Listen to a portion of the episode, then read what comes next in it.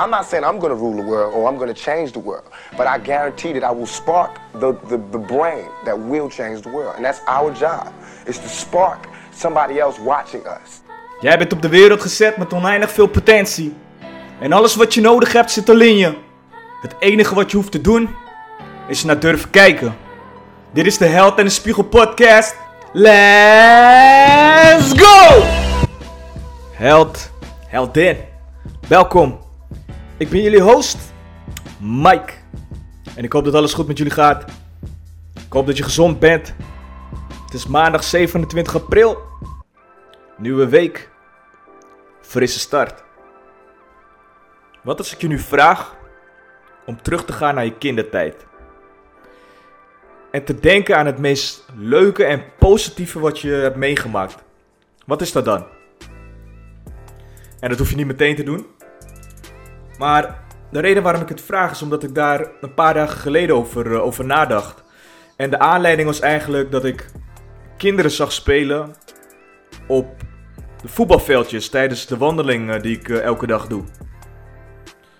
En dan zou je denken, ja dat hoort toch, maar het verbaasde me, want kinderen zijn letterlijk nu aan het spelen. en dat doet me na, of dat doet me, me denken aan de, de Filipijnen. En ik refereer altijd terug naar de, naar de Filipijnen. Omdat het voor mij een soort van referentiekader is. En een, een soort van, ja, de positieve eigenschappen en dingen die ik daar heb gezien, die heb ik meegenomen. In mijn levensstijl, in de manier hoe ik denk, hoe ik naar de wereld kijk. Dus toen ik daar was, zag ik alleen maar kinderen spelen.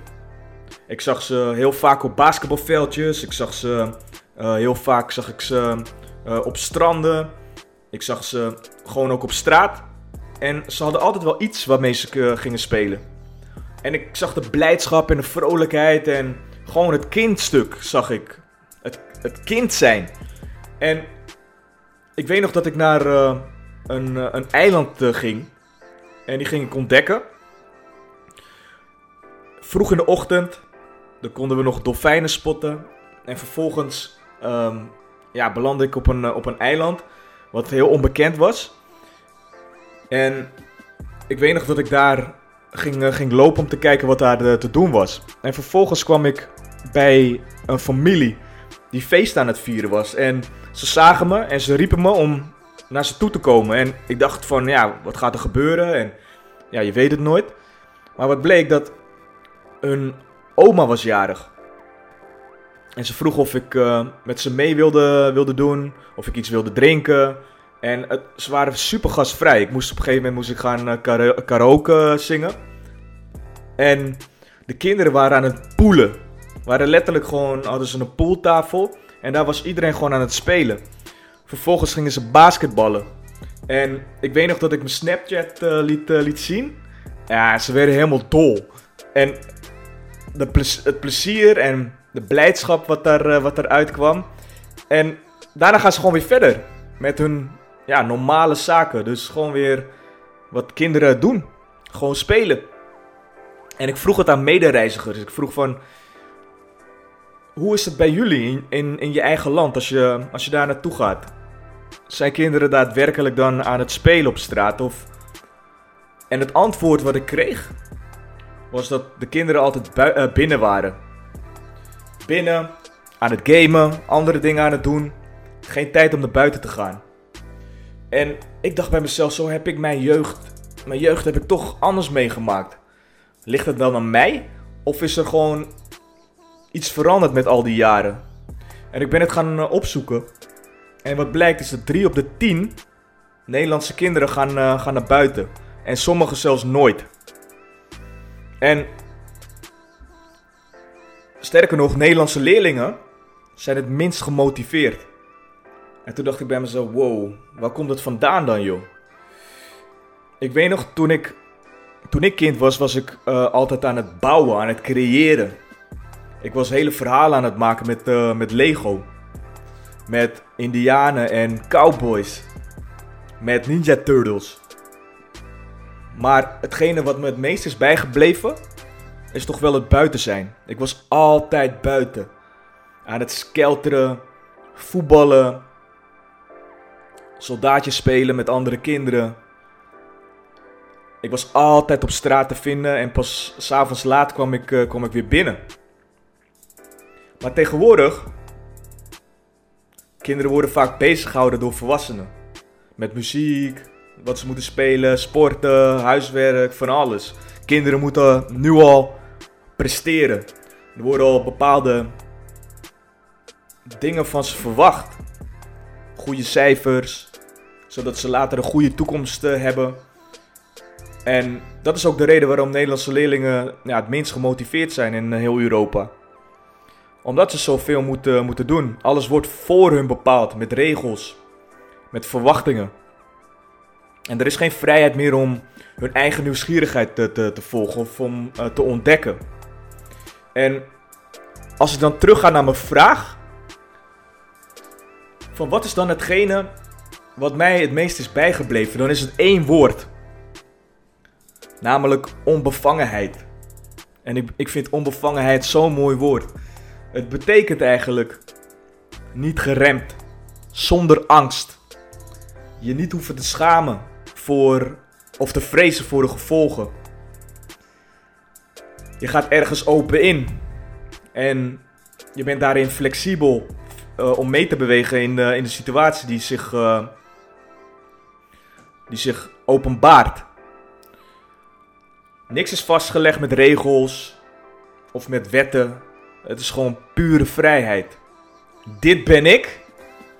En wat heeft de wereld mij te bieden vandaag? Dat is onbevangenheid. En ik, ik weet gewoon dat hoe ouder ik word, hoe meer ik eigenlijk verlang naar die onbevangenheid van een kind. Om helemaal terug te gaan. Dus eigenlijk ben ik opgegroeid en ik ben volwassen geworden. Maar soms denk ik op een verkeerde manier. En nu wil ik, ga ik weer helemaal terug naar die onbevangenheid die ik had als, kind. Een paar weken geleden, of nou, het is nu al wat langer geleden, want het was het begin van corona. Maar toen was ik nog uh, in een vliegtuig boven mijn eigen huis. Omdat ik mijn eerste vliegles had.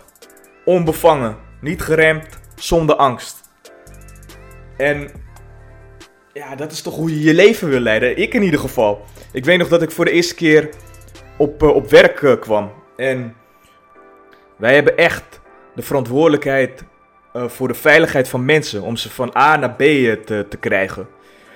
Maar wat ze daarvoor hebben verzonnen is verschillende wet en regelgeving. Maar het zijn enorme boeken die je uit je hoofd moet, moet leren. En die je gewoon moet kennen en moet gaan toepassen ook. Dus er wordt ook gezegd van dit is je Bijbel. Dit is wat je moet weten en dit is je vangnet. Vervolgens zorgt het ervoor eigenlijk dat mensen niet meer zelf nadenken. Dat ze niet meer oplossingsgericht zijn. Dat ze afhankelijk zijn van leidinggevenden. Want ze worden ook gestraft namelijk op basis van dingen die ze niet goed doen. Die in de procedure staat. En de procedure wordt ook weer op verschillende manieren geïnterpreteerd. En dat is dus hoe een cultuur ontstaat waarbij regels super belangrijk is, maar waarbij de autonomie gewoon wordt weggehaald van, uh, van de medewerker. Het doet me denken aan um, teruggaan op wat ik zei over kinderen. Karel Theodor Sørensen was een uh, tuin- en landschaparchitect uit Denemarken.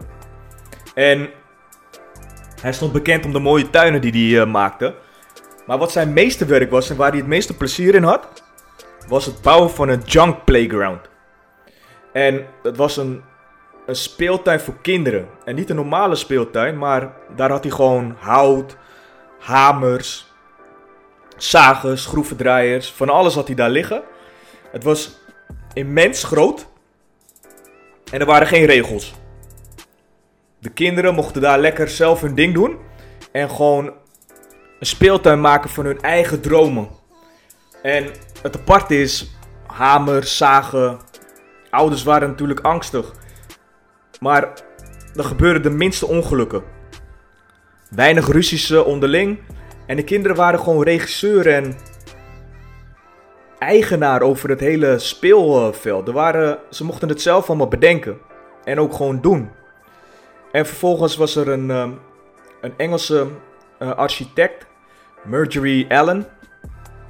En deze dame die had het gezien wat ze allemaal aan het doen waren in uh, Denemarken. En die wilde het naar Engeland brengen. En ze had een hele mooie visie had ze daar, uh, daarbij. Alleen de ouders vonden het te lelijk, te gevaarlijk.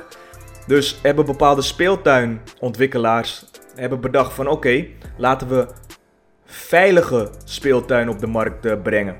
En op die wijze zijn er maar weinig junk playgrounds nog, nog over. De essentie van het verhaal is eigenlijk wat dat dus doet wanneer je eigenaarschap over iets krijgt. Vooral over je leven. Het zorgt namelijk dat je de verantwoordelijkheid neemt. Dat je onbevangen wordt, dus niet geremd, zonder angst dingen doet.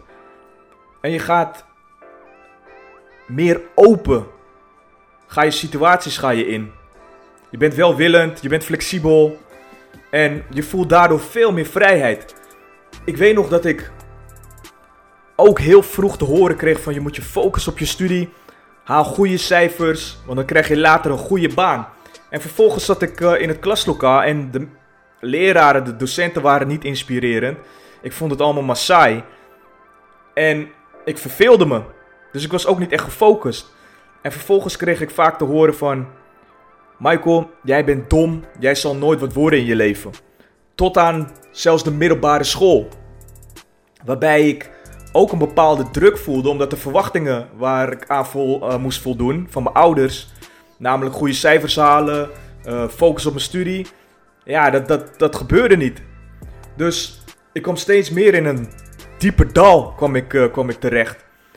En de ommekeer was op het moment dat ik niet meer luisterde naar de menigte. Dat ik me niet meer liet beïnvloeden door mensen die bepaalde verwachtingen hadden over wie ik wel en niet moest, uh, moest zijn. Maar dat ik volledig naar mijn hartsverlangen luisterde en mijn eigen weg ging, uh, ging volgen. Door inderdaad weer terug te gaan naar die onbevangenheid als een kind. Maar ook in al volwassenheid naar de koning in mezelf te luisteren. De leider die visie creëert. Maar ook mijn krijger nog steeds meer ontwikkel. Elke dag om dingen voor elkaar te krijgen met actie en doelgerichtheid. En ik denk dat we vaak nog doelen hebben vanuit andere mensen. Mensen die we zien op social media, die succesvol zijn en een 30 dagen stappenplan uh, tonen aan je. Of misschien is het inderdaad wel je omgeving die bepaalde verwachtingen heeft omtrent de dingen die je moet gaan, uh, gaan doen. Maar wat zegt je hart nou daadwerkelijk? Wat is nou echt je zielsverlangen waarbij je denkt van ja, hiervoor ben ik aan het leven. Hiervoor ben ik op aarde gezet. Dit is wat ik wil gaan, uh, gaan doen. En niemand zal me daarin stoppen. Op het moment dat je je eigen man kan zijn. Een eigen man met een eigen mening die zijn eigen pad bewandelt. Dan voel je vrijheid. Dan zal daadwerkelijk ook het geluk naar je toe komen. En dan opeens ontstaat er een verandering. Want vrouwen merken dat. In hun ogen ben je opeens aantrekkelijker. Ze voelen zich in jouw aanwezigheid opeens veel veiliger. Ze voelen zich beschermd. Er ontstaat vertrouwen, omdat jij de dingen doet die je zegt te gaan doen. Je leeft met integriteit en een enorm sterk innerlijk kompas. Je kompas bestaat uit jouw missie, uit jouw zielsdoelen. En geloof me, ook je omgeving zal dit meteen merken. Want ze zullen jouw licht zien schijnen. Je kracht. Een man die zijn grenzen aangeeft en deze ook bewaakt. Die dingen voor elkaar krijgt door zijn eigen weg te bewandelen. Van niemand anders. Zijn eigen weg. En geleid wordt door zijn eigen waarden. Mensen zullen veel meer respect voor je gaan, uh, gaan krijgen. Je gaat namelijk van beta naar een alpha man. En vaak zeggen mannen dat ze alpha zijn, maar ze doen beta dingen. Een alpha man luistert namelijk naar zijn eigen hart. En volgt deze om het leven te creëren wat hij altijd al heeft willen creëren.